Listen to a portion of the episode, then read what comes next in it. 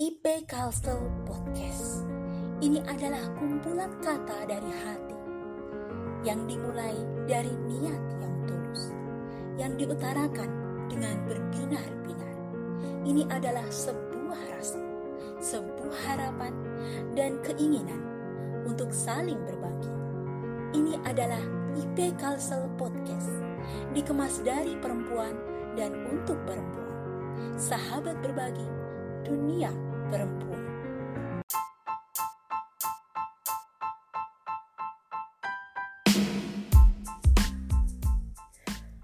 Assalamualaikum, halo halo, hai bunda-bunda. Kembali lagi dengan saya Sri Maulida dalam Bingka Bincang bermakna. Bincang-bincang soal parenting, ibu dan anak, perempuan, sosial, passion, keuangan, dan bisnis. Bareng narasumber kita via podcast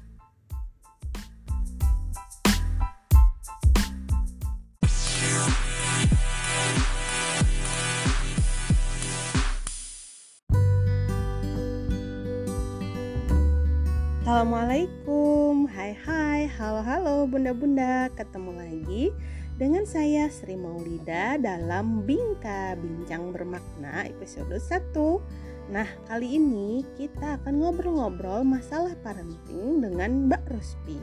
Mbak Ruspi ini adalah member Kalsel lulusan kelas matrikulasi batch 9 dan Bunda Sayang batch 7 Beliau saat ini mengemban amanah di tim matrikulasi di Institut Ibu Profesional Pusat.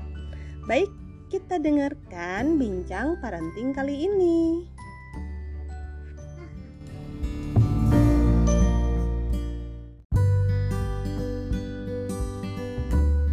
Bismillahirrahmanirrahim. Assalamualaikum, Mbak Rusfi. Waalaikumsalam warahmatullahi wabarakatuh. Gimana nih kabarnya Mbak Maulida apa Mbak Sri nih dipanggilnya? iya, uh, Maulida biasanya dipanggil. Oh iya iya iya. Baik kita mulai ya Mbak Ruspi. Oke, siap-siap. IPers Mbak Ruspi ini adalah member uh, Professional Council lulusan kelas matrikulasi batch 9 dan Bunda Sayang batch 7. Beliau saat ini mengembang amanah di tim matrikulasi di Institut Ibu Profesional Pusat. Wah, keren sekali, Masya Allah. Yuk, yuk kita sapa beliau. Assalamualaikum, Mbak Ruspi. Waalaikumsalam warahmatullahi wabarakatuh, Mbak Maulida ya tadi, oh ya Allah. Iya, Gimana kabarnya Mbak Ruspi? Alhamdulillah baik Mbak. Mbak sendiri gimana nih kabarnya? Ya Alhamdulillah sehat meskipun uh, hari ini hujan terus-terusan ya Mbak Ruspi. Alhamdulillah sehat ya. dan alhamdulillah kita uh, berada di episode perdana kali ini. Dan kita mau ngobrolin apa nih Mbak Ruspi? Hmm, insya Allah tentang parenting ya Mbak. Jadi saya akan mengangkat tentang mendidik hati sebelum otak gitu Mbak. Insya Allah, Allah menarik sekali Insya Allah ini ya Mbak ya. Oke Mbak boleh dijelaskan nggak mengapa kita harus mendidik hati sebelum otak? Iya. Uh, Bismillahirrahmanirrahim ya.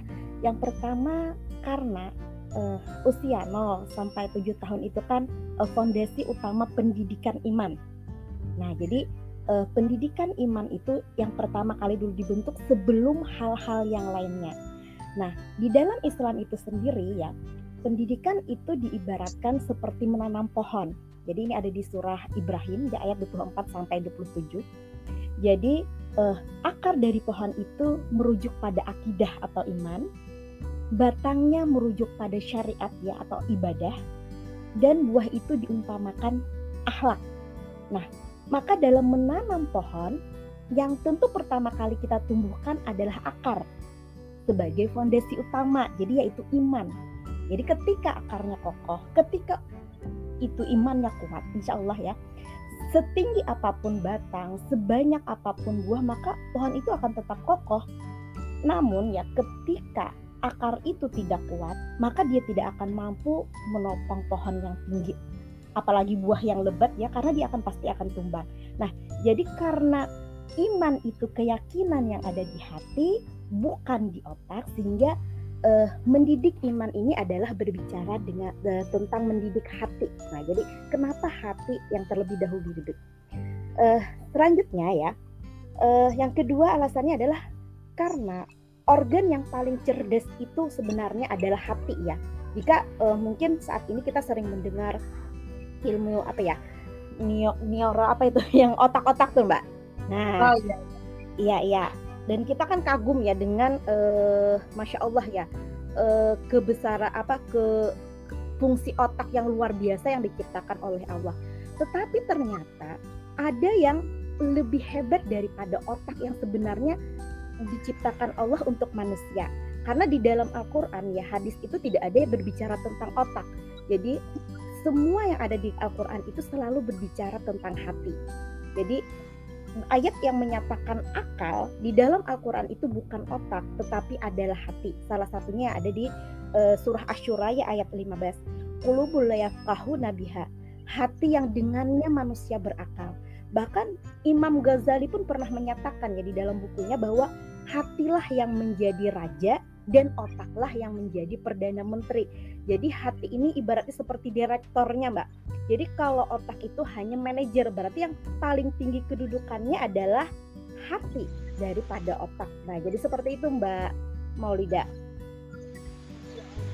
jadi sebenarnya kedudukan hati itu luar biasa ya Mbak ya. Jadi organ yang paling cerdas dan mendidik hati ini adalah iman. Itu ya Mbak ya. Iya benar sekali. Jadi iman itu ada di hati, maka didik iman dulu sebelum hal-hal lainnya. Jadi seperti itu ya Mbak. Hmm.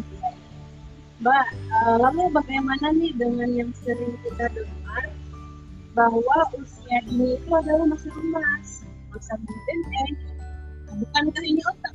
Iya benar sekali ya.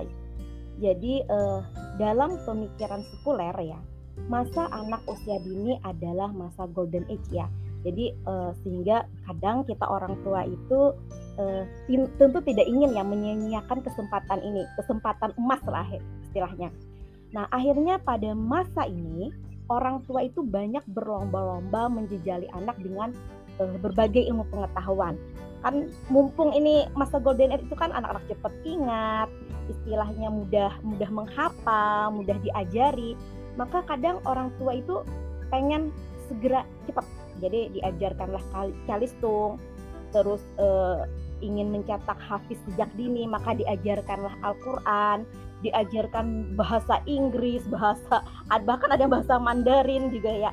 Karena kebetulan pada saat itu kan anak banyak uh, menyerap ya mudah menyerap mudah menghafal begitulah.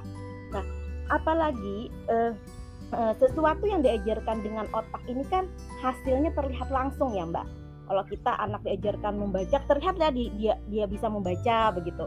Uh, anak diajarkan calistung kelihatan hasilnya.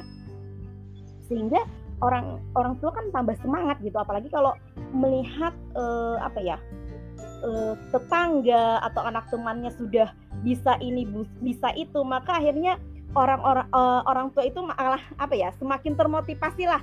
Ingin anaknya juga cepat bisa seperti itu. Nah tapi uh, mungkin ada hal yang kita belum tahu ya. Jadi, usia dini ini memang usia di mana anak mudah mengingat, tetapi yang perlu kita tahu, di usia tersebut anak juga sebenarnya mudah lupa loh, Mbak. Nah, jadi Allah memberikan uh, apa ya pada anak usia di bawah tujuh tahun ini kemudahan untuk uh, cepat ingat tetapi cepat juga lupa. Kenapa? Karena pada usia 0 2 ta sampai 2 tahun itu anak-anak sebenarnya bisa melihat objek-objek gaib ya. Jadi dia melihat hal-hal yang tidak bisa kita lihat seperti itu. Nah, ketika Allah membuat mereka cepat melupakan, maka hikmahnya eh, agar mereka tidak menimbulkan trauma-trauma terhadap hal-hal yang pernah mereka lihat ya. Jadi alam secara gaib. Nah, jadi eh, ketika kita ingin menjadikan anak hafiz, maka sebenarnya yang dilakukan itu bukan kita apa ya langsung mengajarkan anak untuk menghafal tetapi yang perlu ditanamkan itu adalah imannya dulu semai cintanya terhadap Al-Quran terlebih dahulu kita ajarkan tentang makna Quran, keindahan Quran di hati anak. Jadi buat dia bahagia, buat dia senang, buat dia cinta dulu dengan Quran. Jadi bukan sekedar menyimpan apa ya hafalan di otaknya, namun dia sebenarnya tidak tahu maknanya. Coba anak kecil kalau kita suruh ajar Quran mungkin dia cepat hafal ya. Tetapi kalau eh, dan memang harus diulang ya. Kalau nggak diulang dia cepat lupa. Dan ketika kita tanya apakah dia paham maknanya, pasti tidak kan? Nah, jadi yang perlu ditanam itu cinta dulu. Nanti setelah cinta itu tertanam, baru kita ajarkan, baru kita ajak menghafal di saat waktunya sudah siap. Kapan anak siap untuk menerima pelajaran? Kapan siap anak untuk mengaktifkan otaknya itu pada usia 7 tahun. Nah, jadi seperti itu.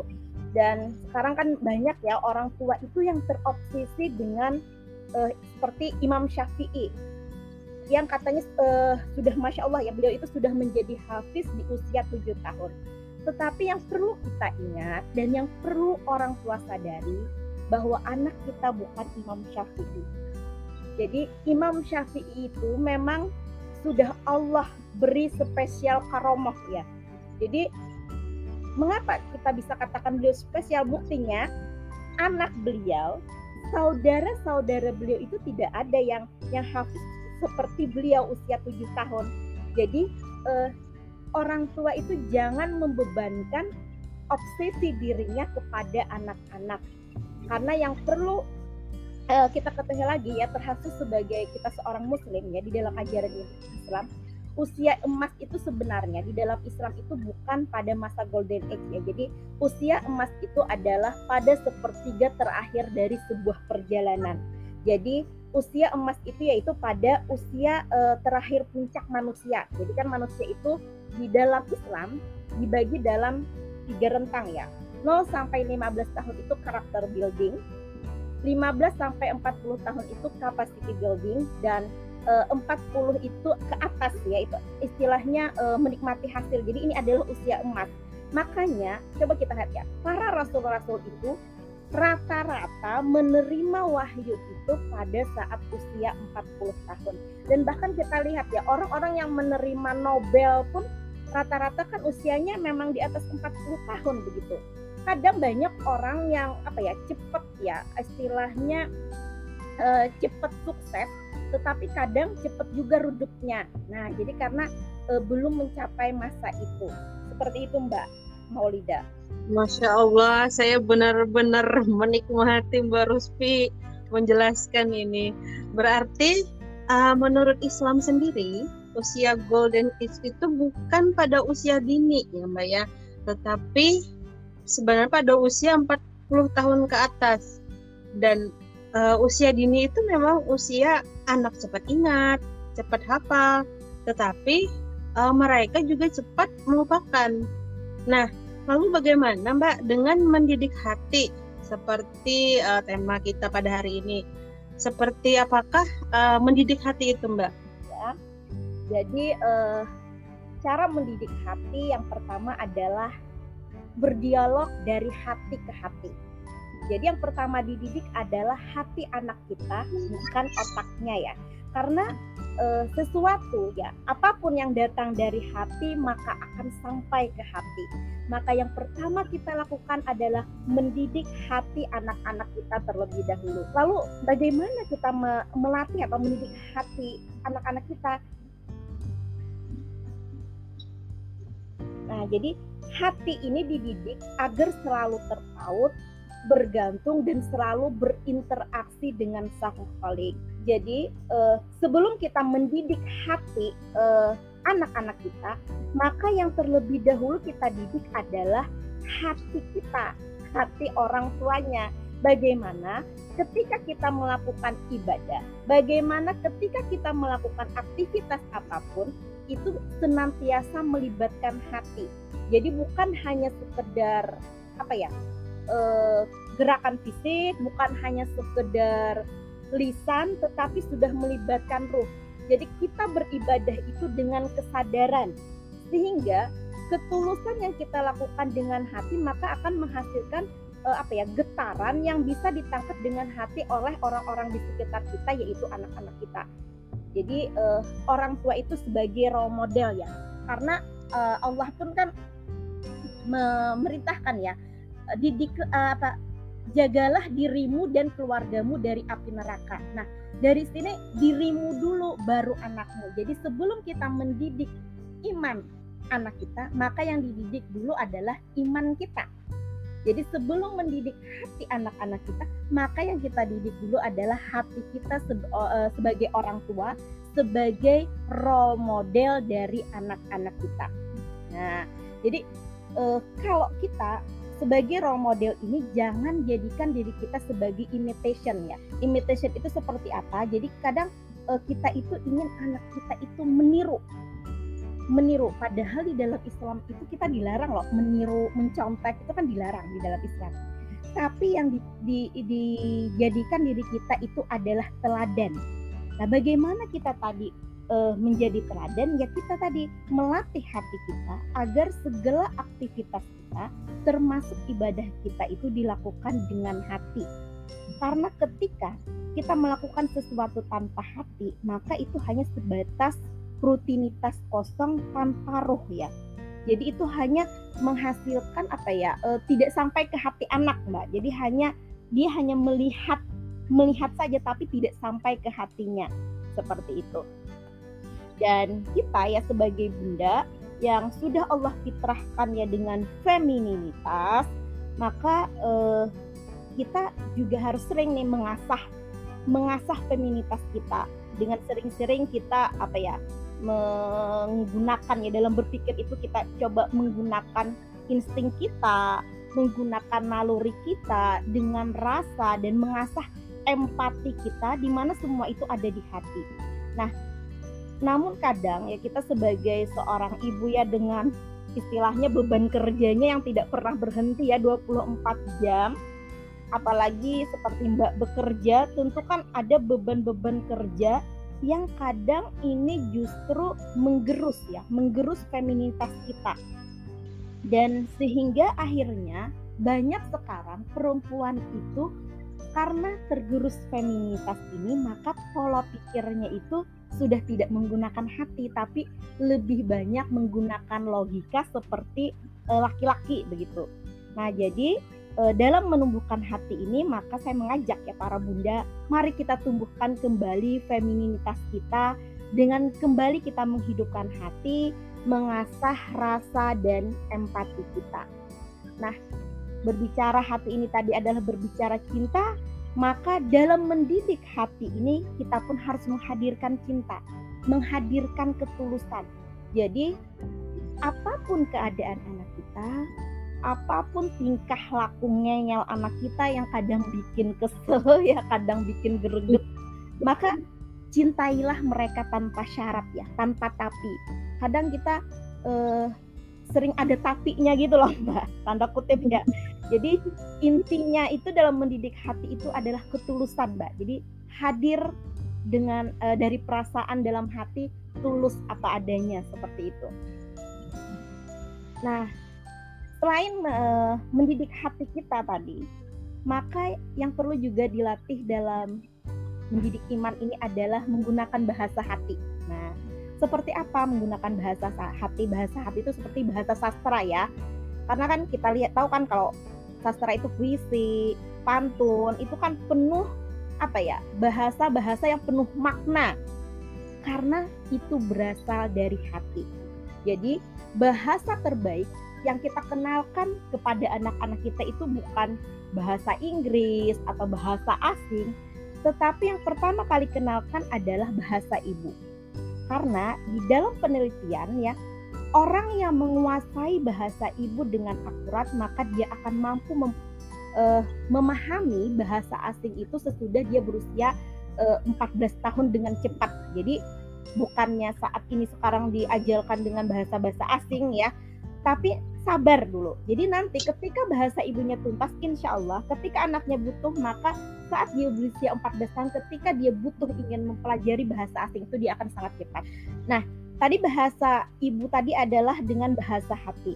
Maka sebagai bunda, mari kita latih kita kuatkan kemampuan bahasa kita, terutama sastra tadi, kita ajarkan juga kepada anak-anak kita juga termasuk dengan bahasa Quran. Jadi bukan menghafal Quran, tetapi kita ajarkan dengan bertadabur Quran lewat permainan, lewat membaca ataupun e, lewat cerita begitu. Kita ceritakan tentang keindahan Al-Qur'an dengan mukjizat Quran. Karena e, dengan kekuatan bahasa sastra, maka kita akan mampu menggunakan bahasa rasa, bahasa hati sehingga kita mudah berdialog ke hati manusia. Jadi seperti itu. Dan yang terakhir adalah mempersiapkan hati. Jadi setelah hati kita kita didik, bahasa kita pun yang kita gunakan adalah bahasa hati, maka selanjutnya adalah mempersiapkan hati yang lembut terhadap anak-anak kita. Jadi eh, hati anak kita pun perlu kita lembutkan agar dia siap menerima iman agar dia siap menerima dengan hati. Jadi e, kalau orang e, sering mengatakan ya bahwa hati itu bersifat liar, benar sekali. Jadi hati kita itu kan seperti iman kita yang kadang naik, kadang kadang turun, kadang goyah gitu. Maka bagaimana kita menjinakkan hati kita? Bagaimana kita menjinakkan hati anak-anak kita agar selalu tetap lembut, uh, tentunya adalah dengan melibatkan sang pemilik hati Allah Subhanahu wa taala dengan terus berdoa agar Allah lembutkan hati kita, Allah lembutkan hati anak-anak kita, Allah lembutkan hati orang-orang yang berada di lingkungan kita. Jadi salah satu doanya itu ya ya mukalibal kulub tabit kolbi ala dinik. Jadi ini bisa ditambahkan dengan nama anak kita. Kalau kita mendoakan anak kita dengan nama uh, nama suami, kalau kita juga ingin melembutkan hati suami dan juga diri kita sendiri seperti itu. Nah, jadi tugas utama menjaga hati ini, hati anak ini adalah tugas ibu. Jadi bagaimana ibu menyiapkan hati anak sehingga iman itu akan mudah disemai ke hati anak oleh ayah sebagai sang pendidik iman terbaik. Jadi, sebagai pendidik iman yang terbaik itu sebenarnya adalah ayah ya yang memberikan nasihat-nasihat tentang keimanan. Jadi tugas ibu apa? Tugas ibu adalah menyiapkan, menyiapkan hati anak tadi agar hati anak selalu terjaga. Seperti itu, Mbak. Nah, eh, selain kita menyiapkan hati anak, jangan lupa juga kadang kita lupa dengan hak-hak anak. Jadi, saat pendidikan 0 sampai 7 tahun itu kan adalah e, kata Ali bin Abi Thalib ya bahwa itu jadikan anakmu raja tapi bukan Tuhan ya. Nah, kenapa dijadikan anak raja? Karena di sini kita ingin membahagiakan dia, memuaskan dia dengan hak-hak syar'inya, memuaskan dia dengan bermainnya, memuaskan dia dengan kebahagiaannya. Karena dengan dia bahagia, maka hatinya akan siap. Dengan dia bah senang, dia akan mudah menerima hal-hal yang kita tanamkan sebagai fondasi dasar. Jadi pendidikan iman ini pun diajarkan bukan seperti dengan sholat, bukan. Jadi pendidikan eh, hat, eh, iman yang diajarkan di 0 sampai 7 tahun itu adalah hal-hal yang menyenangkan. Dengan cara apa yang menyenangkan anak? Dengan cara bermain, tetapi dimasuki dialog-dialog iman dengan cara berkisah, berkisah tentang dialog dia tentang keimanan. Dengan lewat rekreasi, dari rekreasi kita bisa melihat alam, bisa melihat apa itu juga bisa dihubungkan dengan keimanan. Lewat dan yang utama adalah lewat keteladanan kita tadi serta ketulusan kita. Nah, insya Allah ya eh, semua yang datang dari hati akan sampai ke hati anak-anak kita. Jadi intinya bahwa iman atau akidah itu akan lahir dari cinta dan dengan cinta inilah maka akan melahirkan ketaatan. Jadi yang kita bangun dulu cinta. Cinta tadi dari hati dan melalui hati dari usia 0 sampai 7 tahun. Nah, setelah 7 tahun ketika cinta itu tertanam, maka baru kita siap ajarkan teori, kita siap ajarkan syariat, kita siap didik otak dia. Nah, seperti itu. Jadi kita siapkan dulu sebelum uh, kita masukkan hal-hal ke otaknya. Jadi kita siapkan dulu hatinya. Jadi seperti itu. Jadi uh, menumbuhkan fitrah keimanan dulu. Seperti itu, Mbak Maulida. Iya, baik. Masya Allah, Mbak Ruspi. Ini juga benar-benar kayak uh, pengetahuan baru buat saya yang kebetulan punya anak usia tiga tahun nah, dan ternyata banyak hal-hal yang uh, belum saya ketahui seperti itu dan alhamdulillah uh, dengan disampaikan oleh Mbak Rizky tadi ini juga saya tahu oh jadi mendidik hati ini kita juga harus menjaga hati kita gitu sebagai orang tua disampaikan iya. dengan bahasa hati ya mbak ya dengan rasa dengan, ya tadi kata mbak dengan cara yang menyenangkan kemudian dengan ketulusan dan mungkin menjaga dan mempersiapkan hati anak-anak kita agar senantiasa lembut dan siap menerima. Nah saya juga selalu uh, apa namanya mencari cara gimana supaya anak-anak saya ini lembut gitu ketika berbicara bagaimana anak saya ini siap untuk menerima ternyata uh, dari dalam hati kita lebih dahulu ya mbak ya uh, ketika kita mau mendidik anak kita kita mau agar anak kita senantiasa lembut anak kita senantiasa bisa menerima ternyata kita harus uh, menjaga hati kita dulu menyampaikannya dengan rasa nah, jadi itu juga merupakan ilmu baru gitu Mbak Ruspi buat saya. Jadi gimana caranya anak kita senantiasa lembut dan siap? Ternyata memang harus dari kitanya dulu ya Mbak ya. Iya benar sekali Mbak. Jadi mendidik uh, mendidik anak itu sebenarnya mendidik diri kita terlebih dahulu Mbak. Mendidik kita terlebih dahulu, kemudian juga baru kita bisa menularkannya ke anak kita. Benar sekali. Nah, ini pertanyaan terakhir nih, Mbak. Nah, misalkan apakah ada dampak kalau kita mendidik otak terlebih dahulu? Oh iya iya. Jadi uh, ketika ya kita terburu-buru mendidik anak dengan otak, maka uh, akan uh, misalnya iman ya, misalnya iman ini dididik dengan otak, maka kita akan melahirkan generasi yang melakukan ibadah ketaatan itu hanya sebagai ritual. Jadi misalnya kan uh, mendidik uh, Islam dengan otak itu misalnya kita mengajarkan rukun Islam, mengajarkan rukun iman, terus diajarkan sholat, diajarkan mengaji tanpa kita membangun kecintaan. Nah, maka akan melahirkan anak-anak yang melakukan ibadah itu tanpa ruh, tanpa makna dan hanya kosongan. Istilahnya ya hanya ibadah berupa gerakan gerak, uh, apa uh, apa ya gerakan lisan ya ucapan. Kalau sholat itu kan gerakan lisan tapi tanpa ruh tanpa ada makna dari apa yang dia lakukan dari sholatnya tadi. Makanya uh, sekarang banyak ya banyak bahkan ibu-ibu yang gini ya dulu anakku waktu kecil itu uh, apa ya sering uh, rajin banget gitu sholat. Tapi setelah SMP setelah SMA kok kalau disuruh baru mau sholat. Bahkan ada yang membangkang nah seperti itu kenapa ini terjadi? Karena kebanyakan kita tadi mendidik iman itu dengan otak bukan dengan hati. Jadi dia itu belum tertanam cinta. Karena ketika cinta itu tertanam maka anak-anak itu akan melakukannya dengan kesadaran karena cinta dia pun akan rela melakukan apa pun demi orang yang dicintainya demi Tuhannya seperti itu nah dan sekarang juga banyak kan kita melihat orang yang rajin sholat tetapi dia tetap korupsi, tetap maksiat ya nauzubillah ya. Ini karena kenapa? Karena ibadah itu hanya dilakukan hanya sebatas rutinitas ya. Tanpa ada roh, tanpa makna istilahnya seperti itu. Tanpa melibatkan hati. Nah, dan ketika ya anak sejak TK, SD, SMP, SMA, kalau di sekolahan itu kan e, hingga kuliah semuanya dididik dengan otak. Jadi mendidik hati ini ya tugas kita orang tua lah di rumah karena pendidikan yang utama itu ada di rumah. Jadi di sekolah itu membantu dalam pengajaran. Jadi pendidikannya sedikit, jadi pendidikan yang utama itu di rumah. Nah, tapi ketika kita lepas ya kita tidak melakukan pendidikan itu di rumah, kita hanya melepaskan ke sekolah. Dan di sekolah itu kan rata-rata dididik dengan otak maka akan melahirkan generasi yang cerdas intelektual. Mereka pintar ya, mereka mampu dengan menyelesaikan masalah-masalah intelektual, tetapi mereka akan sulit untuk berkreasi, akan sulit untuk berinovasi, akan sulit uh, untuk produktif.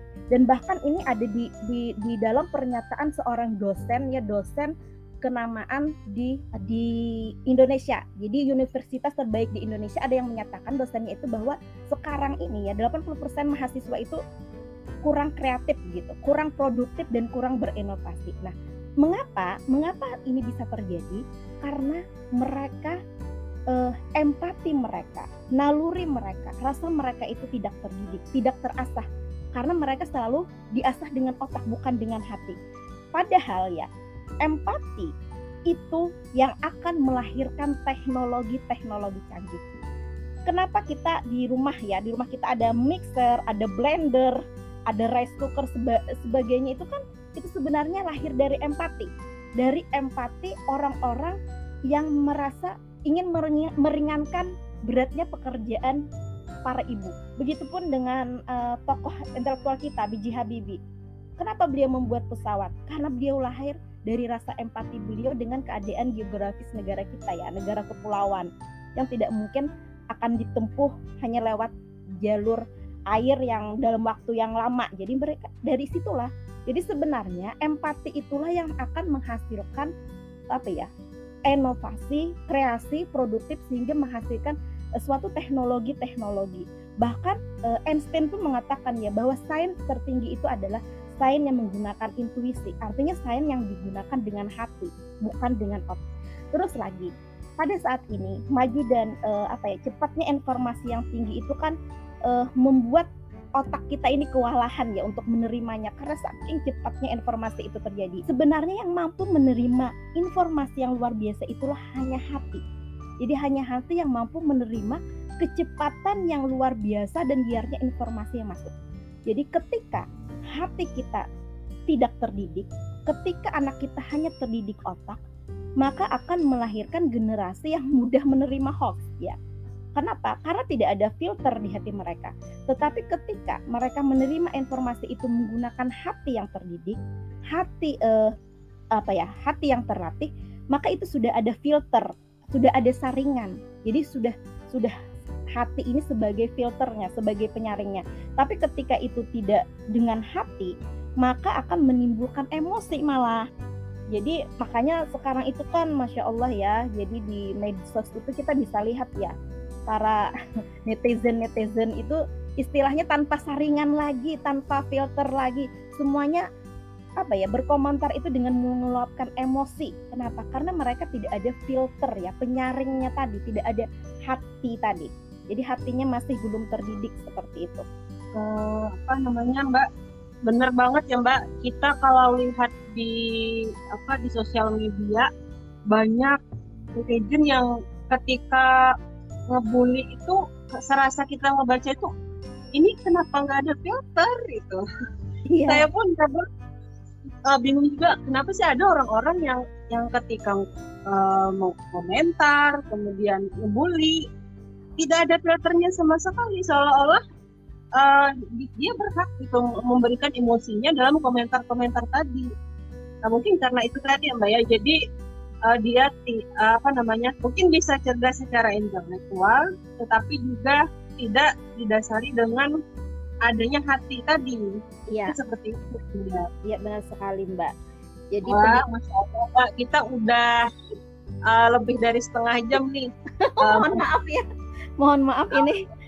Jadi terlewat dari waktunya. Luar, luar biasa, saya pun sangat menikmati sekali itu sangat oh ini uh, cara caranya ketika anak ketika saya ingin anak saya lembut ini ketika uh, umur sekarang nih anak saya umur tiga tahun apa oh, yang harus iya. lakukan alhamdulillah saya saya sendiri dapat banyak poinnya gitu nah apalagi nih dari dari uh, apa yang baru Rizky sampaikan tadi disebutkan bahwa ketika anak sejak TK, SD, SMP, SM, SMA bahkan hingga kuliah gitu ketika dia hanya dididik uh, otak saja maka akan melahirkan generasi yang cerdas gitu, secara intelektual tetapi mereka akan sulit berkreasi, berinovasi dan mungkin sulit untuk produktif. Nah itu benar-benar menjadi poin yang uh, menjadi perhatian kita semua seperti itu yang baru seperti Masya Allah. Ya. Pembahasan kita luar biasa pada sorry kita apa sore hari ini. Nah, oke baik uh, kita berada di penghujung podcast kita pada hari ini. Kepada Mbak Ruspi, terima kasih banyak sudah berbagi dengan ilmunya yang masya Allah luar biasa dan sangat applicable ya. Dan ketika ibu-ibu nih bunda-bunda yang punya anak usia 0 sampai 7 tahun um, apa namanya apa yang baru disampaikan tadi bisa langsung kita aplikasikan gitu. Jadi bukan hanya untuk anak saja, ternyata juga sama bunda-bundanya nih. Masya Allah ya. luar biasa. Baik Mbak Ruspi, uh, sebelum kita tutup ada yang mau disampaikan? Oh iya, uh, pokoknya intinya ya uh, di dalam pendidikan ya, dalam pendidikan kita itu uh, ada tahapannya ya, ada prosesnya. Jadi pendidikan itu tidak bisa instan, tapi ada tahapan, ada prosesnya. Seperti yang diajarkan oleh Allah ya, ketika Allah hmm. ingin mendidik kaum Quraisy ya pada zaman dulu itu Allah menurunkan Al-Quran dan Allah menurunkan Al-Quran itu pun tidak instan ya tidak langsung sekaligus 30 juz tetapi Allah turunkan secara berangsur-angsur atau bertahap. Begitupun dalam pendidikan. Jadi pendidikan itu ada tahapan, ada tahapannya. Jadi di dalam pendidikan itu tidak berlaku kaidah lebih cepat, lebih baik. Nah, jadi kalau kami di ini uh, kebetulan yang saya bagikan ini adalah bagian dari ilmu inspired psikologi ya Mbak. Nah iya. di inspired psikologi itu memegang prinsip bahwa pendidikan itu sudah waktunya, artinya sudah sesuai dengan tahap perkembangannya tadi Mbak. Nah lalu sudah mampu. Jadi kalau sudah waktunya, apakah anak kita sudah mampu? Dan yang ketiga sudah perlu ketika ketiga itu sudah mencakup maka silahkan didik anak kita sesuai itu. Tetapi ketika salah satunya kurang maka sabar dulu. Jadi tuntaskan dulu ada tahapannya seperti itu. Jadi intinya ada tiga tadi sudah waktunya sudah mampu dan sudah perlu. Kira-kira itu saja Mbak Maulida. Baik sangat uh, mencerahkan dari penutupnya Masya Allah. Baik Mbak Ruspi mungkin kita nanti ketemu lagi di lain waktu. Mungkin banyak bunda-bunda yang masih ingin penjelasan lebih Oke, nanti kita cari di lain waktu ya Mbak Ruspi ya. Siap, siap, insya Allah. Ya. Mbak Ruspi, terima kasih sekali lagi atas waktunya di Kembali. podcast kali ini.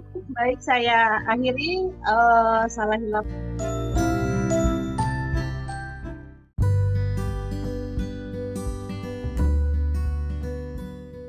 Nah, demikian tadi bincang bermakna kita dalam parenting bersama Mbak Ruspi. Bismillah ya bunda-bunda, mari kita mendidik hati kita sebelum otak. Demikian juga ke anak-anak kita, mari kita mendidik mereka, hati mereka sebelum kita mendidik otak mereka sehingga kita bisa memberikan masa golden age anak kita dengan maksimal. Sampai jumpa di bincang bermakna episode selanjutnya. Assalamualaikum warahmatullahi wabarakatuh.